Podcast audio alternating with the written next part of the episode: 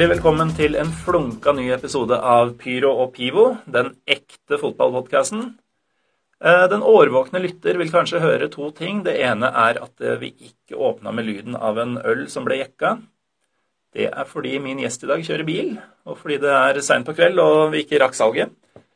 Den andre tingen dere kanskje legger merke til, er at lyden er litt, uh, litt hulere enn vanlig. Ikke så flashy og glansa som, som sveisen til Cristiano Ronaldo.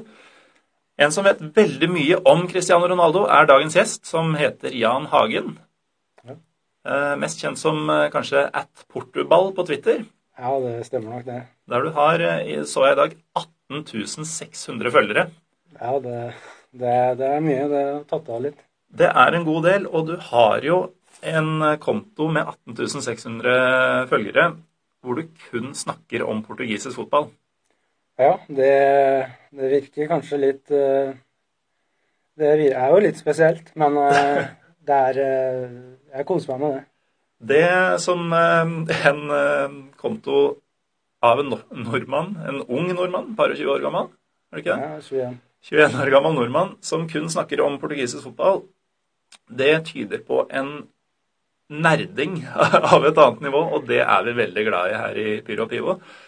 Eh, hvordan fatta du interesse for portugisisk fotball spesielt? Eh, nei, det var starta egentlig med at jeg ble interessert i landslaget. Eh, det var i EM i 2004. På hjemmebane? Ja. Vertsnasjonen. Eh, det var liksom mitt eh, første mesterskap, da. Og første gang jeg satte meg ned for å se fotball. Jeg var jo bare ni år da, så jeg var mest glad i det. Mer glad i å spille enn å se på. Så jeg satte meg uansett ned og ja, ble vel fort eh, fascinert av det av vertsnasjonen. De hadde jo mange interessante og kule spillere. Så det ble jo fort at jeg ble glad i Luis Figo, Deco, Rui Costa og gjengen. En vanvittig gjeng, da. Det var det. Men eh, det 2004-laget de gikk jo ikke helt til topps. De røyk jo mot Hellas, av alle ting. Ja, og da var det jo kanskje enda deiligere at man tolv år etterpå klarte å gå helt til topps i Frankrike på litt den samme måten som Hellas gjorde det i Portugal. Så da fikk man endelig hevn. Ja, for du er rett og slett eh, Du er glad i landslagsfotball, du? Jeg er glad i landslagsfotball i tillegg til ligafotballen, som jeg fikk øynene opp for noen år senere. da. Mm. Uh, det som på en måte Nå gikk det jo bra for Portugal nå, men det som har vært problemet deres i alle år, sånn jeg har opplevd det, er at de har utrolig mye playmakere, kantspillere, den type ting. Og så har de ingen der framme til å faktisk sette inn uh, ballen. Og det var vel også egentlig problemet i 2004? Ja, det har vært problemet så lenge jeg kan huske. Nå er ikke jeg så gammel, da, men jeg kan jo ikke huske noen skikkelig god spiss for Portugal. Men nå har man en på vei opp nå, André Silva, portospiss, 20 år gammel. Han leverte hat trick i forrige kamp mot Færøyene. Det var bare Færøyene, men fortsatt yngste portugiser til å skåre et hat trick for landslaget. Så meget spennende spiller, så håper jeg at han er ja, den nye storskåreren. Og det målet han nylig skåra i Belgia, kan jo også ha vært det som har snudd europasesongen for Porto? Ja, den var ekstremt viktig, den straffeskåringa der. Så ja, nytt liv til dem i Champions League. Men sånn som du opplever portugisisk fotball, hva er grunnen til at de produserer så mange av enkelte spillertyper, men ingen rene spisser av, av høy kvalitet? Det er vel sånn at man er veldig flink til å heve fram akkurat de spillerne. Spesielt i media og på TV så er det veldig, veldig stor fascinasjon da, for disse spillerne. Og det er nok litt av grunnen for det. Og så er de jo Portugiserne er jo ikke De er litt mindre enn oss. Og ja, mye mer teknisk, da, rett og slett. Så det er, men uh, de burde ha klart å produsere et par spisser, og det ser ut til at de får fram noen nå. Mm. Det nærmeste jeg kan huske gjennom mine år, er egentlig Pauleta og Nuno Gomez. Og det er jo for så vidt gode spillere, men det var jo de som var bak, som virkelig var greia. Men du hadde også en straffehelt i det mesterskapet. En Ja. som spilte mye lenger bak på banen. Ja, det var Ricardo. Det, han ble en, av mine favorittspillere i det mesterskapet. Ja, han var jo en helt grei keeper, men spesielt eh, det han gjorde mot England i kvartfinalen, i straffebunken, hvor han først eh, på Englands siste straffe, tar av seg hanskene. Redder. Altså Først har han tatt ballen i egne hender, og så tok han ballen i egne føtter og dundret inn siste, siste, siste straffen for Portugal også, så det var eh, helt strålende.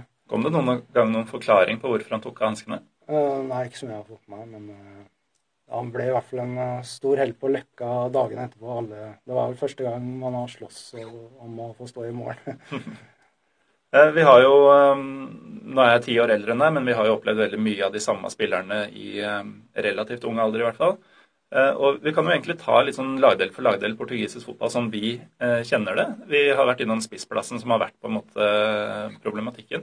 Keepere har um, Det har liksom ikke vært Vitor Baja var jo en. Men bortsett fra han så har det liksom ikke vært sånn topp, topp europeisk klasse eller verdensklasse. Men de har vært solide, og det har ofte vært ganske kule typer. Ja, det stemmer. Og han de har nå, Rui Patricio, han er jo han er god. Han er, som du sier, han er ikke helt verdensklasse, men eh, likevel en, eh, en meget bra keeper. Og sto bl.a. Eh, veldig bra under EM e i sommer. Så han er, han er litt mer stille typen, men Ricardo var jo en var gullgutt. Lopez på Lyon, er han portugiser eller brasilianer? Han er portugiser. Hva tror du om han på sikt? Eh, jeg tror han er, han er, jo alltid med på samlingene. Og fra det jeg har sett, lille jeg har sett i Lyon, og det han har vist i treningskamper, er, det er bra. Han eh, er en mann for fremtiden. Jeg kan gå videre til Forsvaret. Eh, som du kanskje ser, det vet ikke dere lyttere, men jeg har på meg en Fenerbahçe-drakt. Det er fordi vi Eller det er først og fremst fordi jeg er Fenerbahçe-supporter. Det får nesten bli en egen episode. Eh, men det er også fordi eh, Fenerbahçe, mens vi sitter her nå, eh, spiller Europaliga mot Manchester United. Og det går ikke så bra sist jeg sjekka. Men en av mine portugisiske favorittspillere, han var inntil nylig Fenerbahçe-spiller, Bruno Alves. For et monster. Ja, det er en stor mann. Stor mann. Jeg gikk jo til italiensk fotball i sommer og har, klart seg bra der. men det er ikke en mann for fremtiden eh, for Portugal. I hvert fall.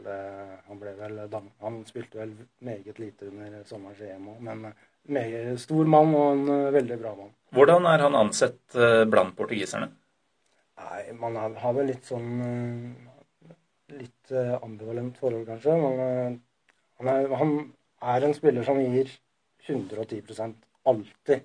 Men der han har de feilene ved seg at han kan bli litt overtent. Og det har blitt noen røde kort opp igjennom som han ikke har vært så glad for. Så, men jo da, man, man, er jo glad i han. Han er vel ikke den eneste stopperen Portugal har spilt med de siste årene som har den kvaliteten? Nei, det er en gjenganger, det. Med PP i hvert fall.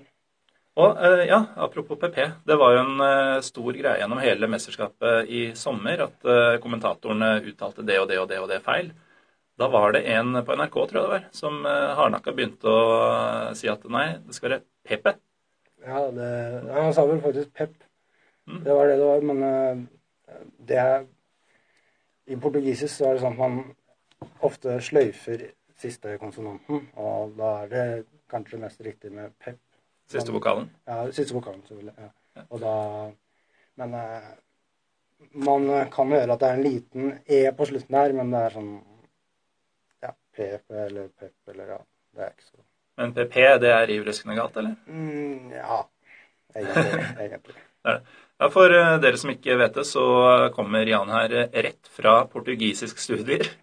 Uh, som var grunnen til at du var her i Oslo og kunne være med her i dag. Ja, jeg går på mitt andre kurs nå. Jeg kan jo forstå mye når jeg leser, men jeg kan ikke snakke så godt, så da tenkte jeg det var best å lære seg språket skikkelig. For vi er jo, altså Jeg er jo i en situasjon Jeg i sin tid har jo også studert tyrkisk, eh, også pga. fotball eh, i stor grad.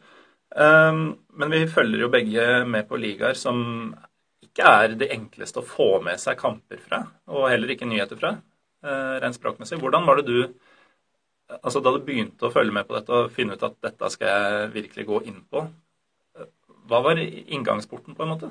Nei, Først og fremst landslaget, og så var det jo TV 2 som kjøpte rettighetene til eh, Primera Liga, og da Stemmer det. De hadde portugisisk fotball en periode? Ja, de hadde det i to sesonger, tror jeg. fra 2010 til 2012. Uh, uansett så var dette noe jeg hadde lyst til å sjekke ut, og ja, ble vel ja, forelska nesten med en gang. da. Og, så det ble noen, uh, ble noen sene kvelder med TV 2 Sumo og Kasper Vikestad, så det var, det var trivelig. Det måtte være Vikestad? Ja, det måtte være Vikestad. Men det, det, er vel litt sånn Hvis noen spør hvor lenge var Adam i paradis, så er da svaret tydeligvis to sesonger. Ja. For etter at det var vel i 2013 at de slutta å sende. Mm, ja, okay, ja. så det har vel vært hva blir det, en tre års tid med hakkete streams og ja, mye pop-ups? Mye pop-ups, ja. Det har stengt min andel av pop-ups opp igjennom. Men ja, det, det, går i streams, ja. Mm. Så, men det går helt fint. Ja.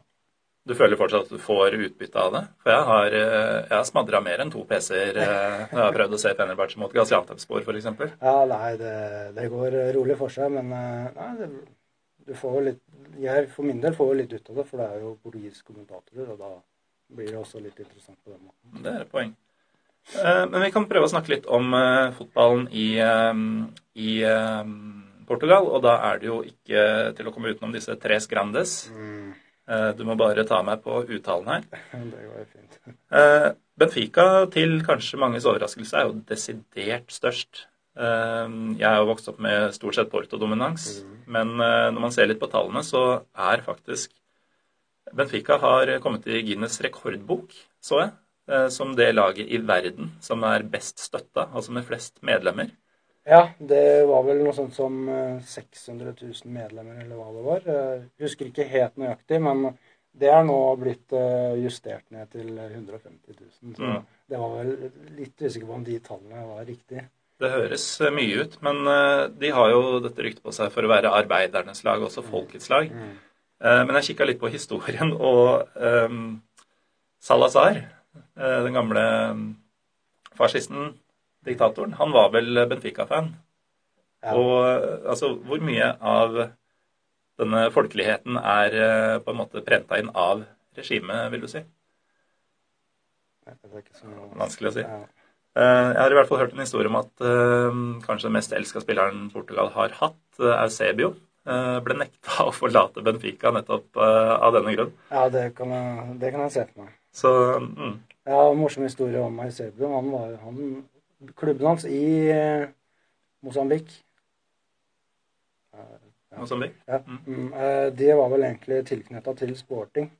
Ah. Men eh, det var en, en Benfica-representant som var der nede og fikk øye på Eusebio. Og så fant han ut at dette var en spiller vi ville ha.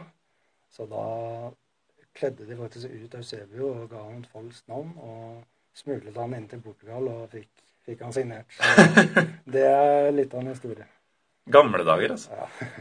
Men eh, altså, i dag så har jo Benfica Forrige sesong hadde et snitt på over 50 000.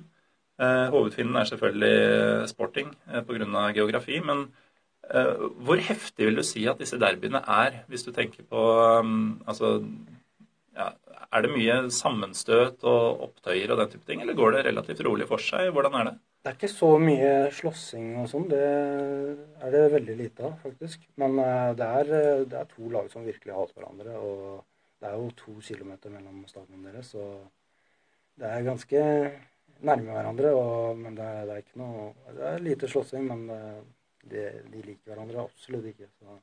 Hvordan er livet på tribunene? Fordi sånn Camp Nou f.eks. i Barcelona tar jo 99 000 mennesker. men for de som har vært der, så er det jo nærmest musestille. Eh, og sånn er det veldig mange steder i Spania, har jeg inntrykk av. Eh, portugisere altså, er, det liksom First Price-spanjoler, eller er det noe helt annet? Nei, støtten blant de tre store, da, den mm. er veldig bra. Og spesielt Benfica, som også har flest fans. Men de er veldig gode på tribunen. Lager mye lyd, og de har mye kule TIFO og ja, rett og slett meget bra stemning der.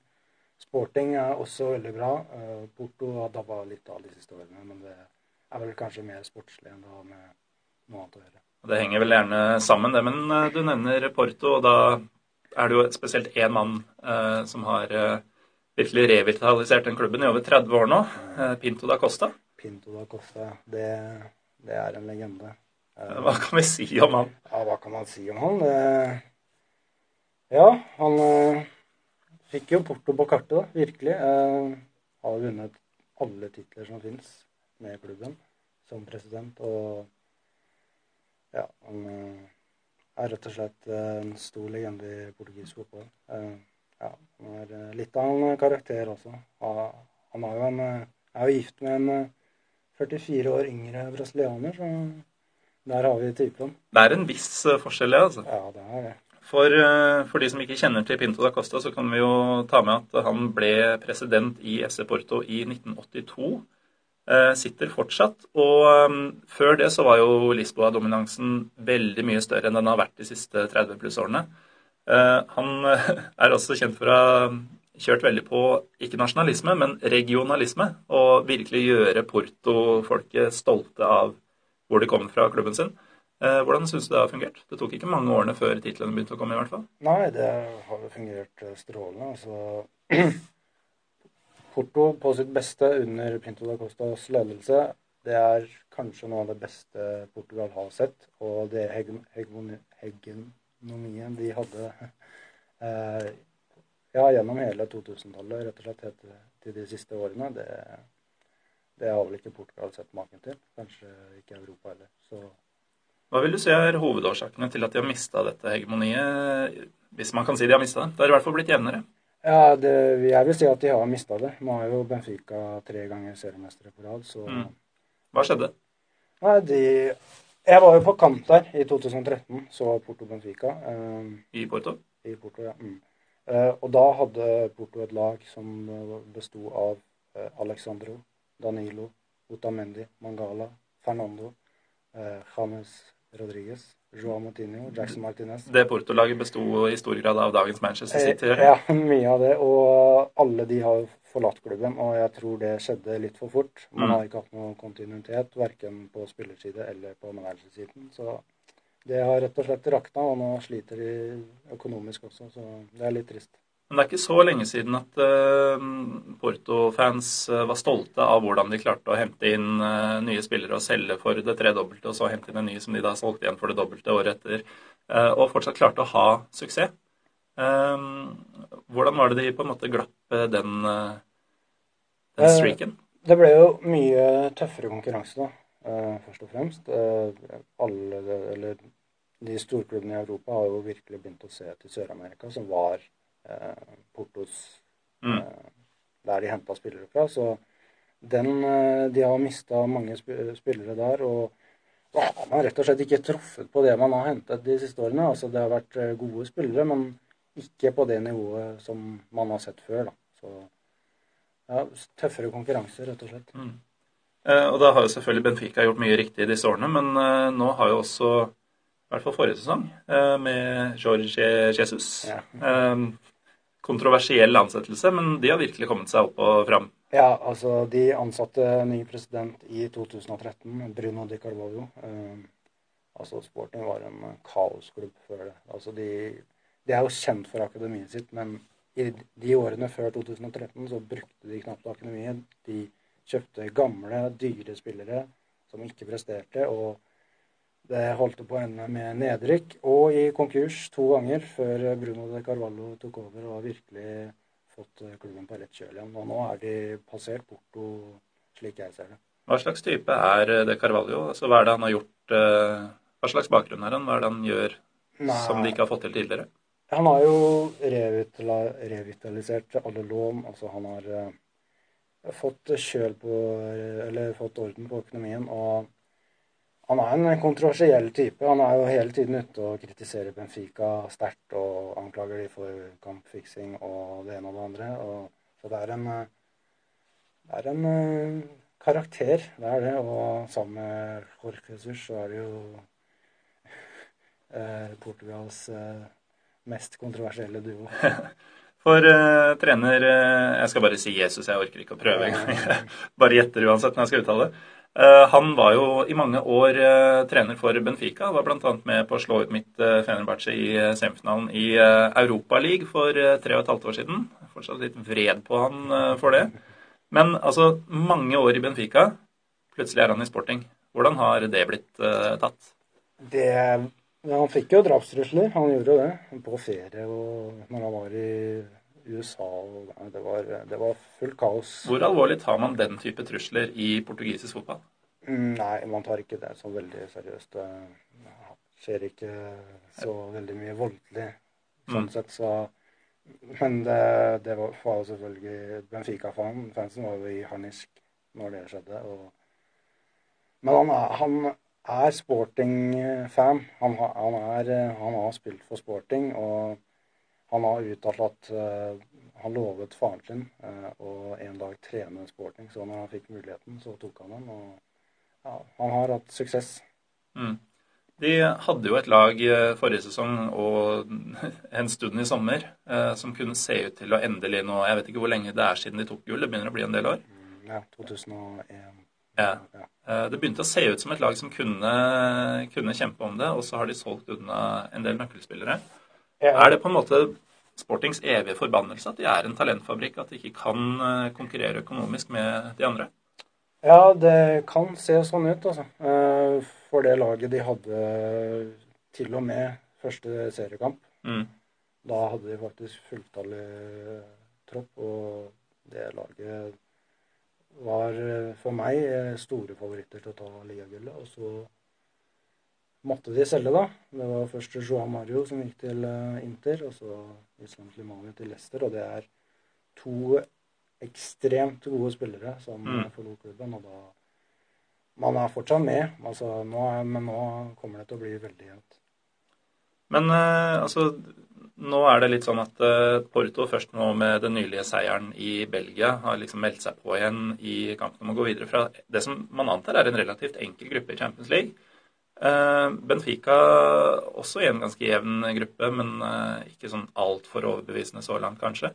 Eh, hvordan vil du si nivået på portugisisk eh, klubbfotball er per i dag? Landslagsfotballen er det jo bare å se på siste trofé.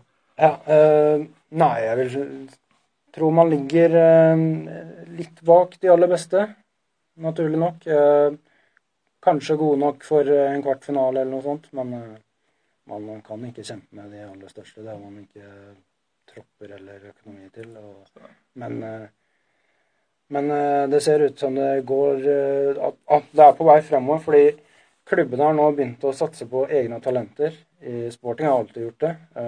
Men nå har også Benfica og Porto fått øynene opp for det. Har og begynt å utvikle egne spillere. Så litt håp om at man kanskje har litt kjærlighet for klubben. At man kanskje blir litt lenger. da, At man kan ha litt mm. mer kontinuitet med sine beste spillere. Ja, I uh, Sportings tilfelle så er jo spesielt William Cavralio alltid linka til større ligaer og større klubber. Aldri gått noe sted. Nei, ja, det tror jeg er fordi han rett og slett mangler litt tempo. Han er jo en strålende spiller, eh, men han mangler litt tempo. og Det ser man ofte i Champions League når han møter litt bedre lag. Uh, men jeg tror absolutt han kunne gjort en god jobb for, uh, i en større liga. Mm. De har jo tre lag i Champions League, så det er jo absolutt ikke til å kimse av. Men Eh, kvartfinale cirka for liksom de beste lagene. Det er egentlig der de har vært i ganske mange år nå, så du ser ingen stor verken hevelse eller svekkelse av nivået generelt? Nei, det er nok der det ligger. Mm. Eh, så er det litt eh, spørsmål om lagene som kommer bak, da. For nå har det vært veldig skrall, skralle prestasjoner i Europaligaen i år. Mm. Uh, Aruca røk tidlig, Ryave røk tidlig, og så har vi Braga som ikke har prestert opp til forventningene så langt. Enda et lag som har slått ut eh, Fenerbahçe i løpet av de siste året. Jeg liker ikke å møte portugisiske lag. Men eh, ja, lagene bak er jo litt interessant, for hvis man ser på uh, tittellista til klubbene, så ser man at Benfica og Porto har over 70 titler hver. Sporting har 47. Uh, og der, utenom disse tre så har du opp gjennom historien hatt to ligamestere. Og det er Boavista og Belenenses med ett hver. Ja. To lag som tilfeldigvis kommer fra nettopp Porto og Lisboa. Ja, det er nok ikke tilfeldig, det. Det er jo de store byene. som... Mm. Men hva, hva, er det som gjør at uh, Jeg ser nå at uh, Funchal på, um, på, Madeira De har jo tre lag i toppserien nå. Ja, to. Det var et som rykka ned i fjor, men uh, de har to nå. Uniao gikk ned? eller? Ja, Uniao gikk ned. Mm. Okay, da, men i hvert fall de hadde nylig tre lag. Ja. Det er jo ganske imponerende. Men hvorfor kan ikke resten av landet konkurrere med disse to byene? Nei, det går rett og slett ut på at man uh, har ikke supportere, økonomi eller det er ikke nok til alle de andre klubbene når Porto, Benfica og Sporting har gjort sitt. Er det litt som å ha liksom tre ganger Rosenborg i ligaen sin? At uh, når du får opp en spiller i Rio Ave f.eks., så vil han forsvinne enten utlandet eller til en av de tre store ganske fort? Ja, det skjer uh, i løpet av sesongen ofte, hvis du har begynt å prestere. Så mm. Ja, de tre store er uh, veldig opptatt av å ikke gå glipp av noen kommende stjerner. Så de prøver ofte å slå hverandre i den kampen om å signere spillere. Mm. Eh, det er litt sånn, eh, Nå har det blitt en del Fenerbahçe-referanser. Det er akkurat det samme man ser i Tyrkia, egentlig. Man har de tre store, og så har man eh, et, to lag til som har vunnet ligaen. Det er faktisk akkurat som i, som i, Portugal. Og det er ikke snakk om for de andre lagene å komme opp på nivået. Samtidig så har altså, Du nevner dette med publikumsgrunnlag og inntekter og sånt nå. En Uefa-måling i 2012 slo fast at det laget i Europa som har størst andel av landets befolkning eh, som supportere, det er Benfica. Eh, det er anslått at 47% av portugisere holder med Benfica. Ja. Da blir det ganske skjevt. Det blir veldig skjevt. Og hvis du da tenker at eh, de 50 neste prosentene heier på Porto eller Sporting, så blir det 3% igjen til resten. Og da blir det lite, men eh, Benfica er, eh, er, og blir den aller største klubben for øyeblikket. Og har vært en stund. I hvert fall sånn supportermessig. Mm. Nå er de da også tilbake på toppen og ser ut til å ha planer i hvert fall om å bli der en stund. Ja. Du nevnte tidligere at du var på Benfica, var det det? Ja. nest siste serierunde i 2012-13-sesongen, det er det villeste jeg har vært med på, i hvert fall. Ja. Hvordan, hva, hva skjedde? Ja, som sagt, nest siste serierunde. Da var premissene slik at uh, Benfica lå foran med to poeng. Og vanligvis så skal kampene mot ikke de tre store være grei skuring, så da hadde man en ledelse på Porto inn i siste serierunde, så var man sikre på at det ville gå. Og Det mm. samme gjaldt for Porto. Hvis de vant kampen, så ville de lede med et poeng, og så godt som det er sikret seriegull. Og ja, kommer på stadion eh, fem timer før kamp og skal jo ha med alt. Så ja. kjøpe drakt og se på museet. og ja, det, det, er god stemning. Og så kommer jo Benfica-fansen etter hvert. og De kommer bak sperringer, og de har politieskorte på begge sider. og Det hagler med ukvemsår og ja, i det hele tatt ikke så god stemning. Så nærmer seg kampstart, går inn på stadion og finner ut at jeg sitter jo rett ved disse 5000 illsinte Benfica-fansen. Så, men det var eh, for så vidt god stemning, det. Eh, I hvert fall når eh, Lima skårte etter 19 minutter der for Benfica. Da Da var ikke de 5000 så illsinte lenger? Nei, da var de veldig glade. Og, ja, det, men det varte ikke så lenge, for Maxi Pereira han spiller jo nå i Porto. Mm. Han, han, også fikk vel litt blanda mottakelse der? Det gjorde han absolutt. Han klarte å skåre selvmål da. Så da var man like langt i pause. Eh, for så vidt god stemning, men eh, man visste trykka. at det var trykka. Mm. Og det var for så vidt sånn resten av matchen eh, overtidsminuttene kom. Og det ble banket en ball opp på Liedson, en gammel sporting-spiss som hadde tatt turen til Porto. Eh, headet den videre til Kelvin, som eh, knapt har skåret et mål etter at han skåra på overtid mot Benfica og da sikra Porto ligagull. Og det er det sykeste jeg har vært med på. Og du fikk så mange klemmer, og du fikk kyss, og det var i det hele tatt enormt god stemning. Og det mest ikoniske bildet fra portugisisk fotball de seneste årene er jo når Jorge Tus ser at Kelvin skårer, mm. og faller ned på kne som en knust mann og skjønner at uh, ligagullet røk der. Og det gjorde det, selvfølgelig. Ja. Mm. De møtte jo Pasjos i siste runde, mm. som uh, da lå, hadde klart å ta en tredjeplass i ligaen. Da var allerede klart, så, og det ligger rett ved Porto, så da var det god stemning når Porto tok, tok seieren i den uh, siste serien. Hvor mange Porto-fans var på tur dit? Det var mange. og Det var mange som ikke kom inn nå, men som mm. feiret på utsiden av stadion. Så det skulle nesten vært der òg. Men eh, de feiret jo som om de hadde vunnet ligagull etter, eh, etter kampslutt mot Benfica. Da var det ute i gatene, og det var utrolig masse folk. Og det var biler, og det var eh, i det hele tatt enormt god stemning. Ble det et par superbokk eh, etter matchen her, eller? Ja, det ble det. Det stemmer. Ja. Vi er jo eh, i Pyro og Pivo også opptatt eh, av hvordan ting er rundt omkring i de stedene vi prater om. og Hvis man tar en tur til Portugal, mat og drikke f.eks., hva, er, hva må man gjøre, og hva må man unngå? Ja, eh, hvis vi starter med pivoen, da, Mm. så har du to øl i Portugal som er de to store, og da har du det som er i nord, som er Superbock, og så du det som er i sør, som er Sages. Og det, for meg er det to veldig bra øl, og kan anbefales begge to. Mm. Eh, bortsett fra det, så er det jo nasjonalretten til Portugal, selvfølgelig, bacalao. Mm. Som ikke er det vi kaller bacalao. Det er vel rett og slett ordet for torsk, er det ikke? Eh, ja, det er det, men eh, det er bacalao. Altså, det er det samme, men de har så mange forskjellige typer bacalao. at Det er som, det er som å kalle det kjøtt, liksom. Mm. Er på det stadiet. Så. Eh, Så det er liksom det man tror Ja. eh, før man eh, drar dit. Ja. Mm. Er det noe man ikke må finne på å gjøre eller spise eller drikke der? Mm, nei, ikke som jeg var borti. Altså. Det har stort sett holdt meg til det originale. Mm. Eh, Da lurer jeg på om vi skal runde av. Og eh, jeg vil da først og fremst takke deg, Jan Hagen, for at du tok deg tid en sein, sein kveld eh, etter slitsomme studier og det ene og det andre for å være med i podkasten vår. Spesielt med litt sånn tåpelig utstyr og hva vi skal si. Jeg heter Morten Galaasen, og vi er forhåpentligvis tilbake om en ukes tid. Eh, I mellomtiden så må du gjerne følge oss på eh, Twitter og Instagram under eh, brukernavn PyroPivopod. Og så er det fra Fotballuka den velkjente programlederen Jim Fosheim, som også er vår produsent.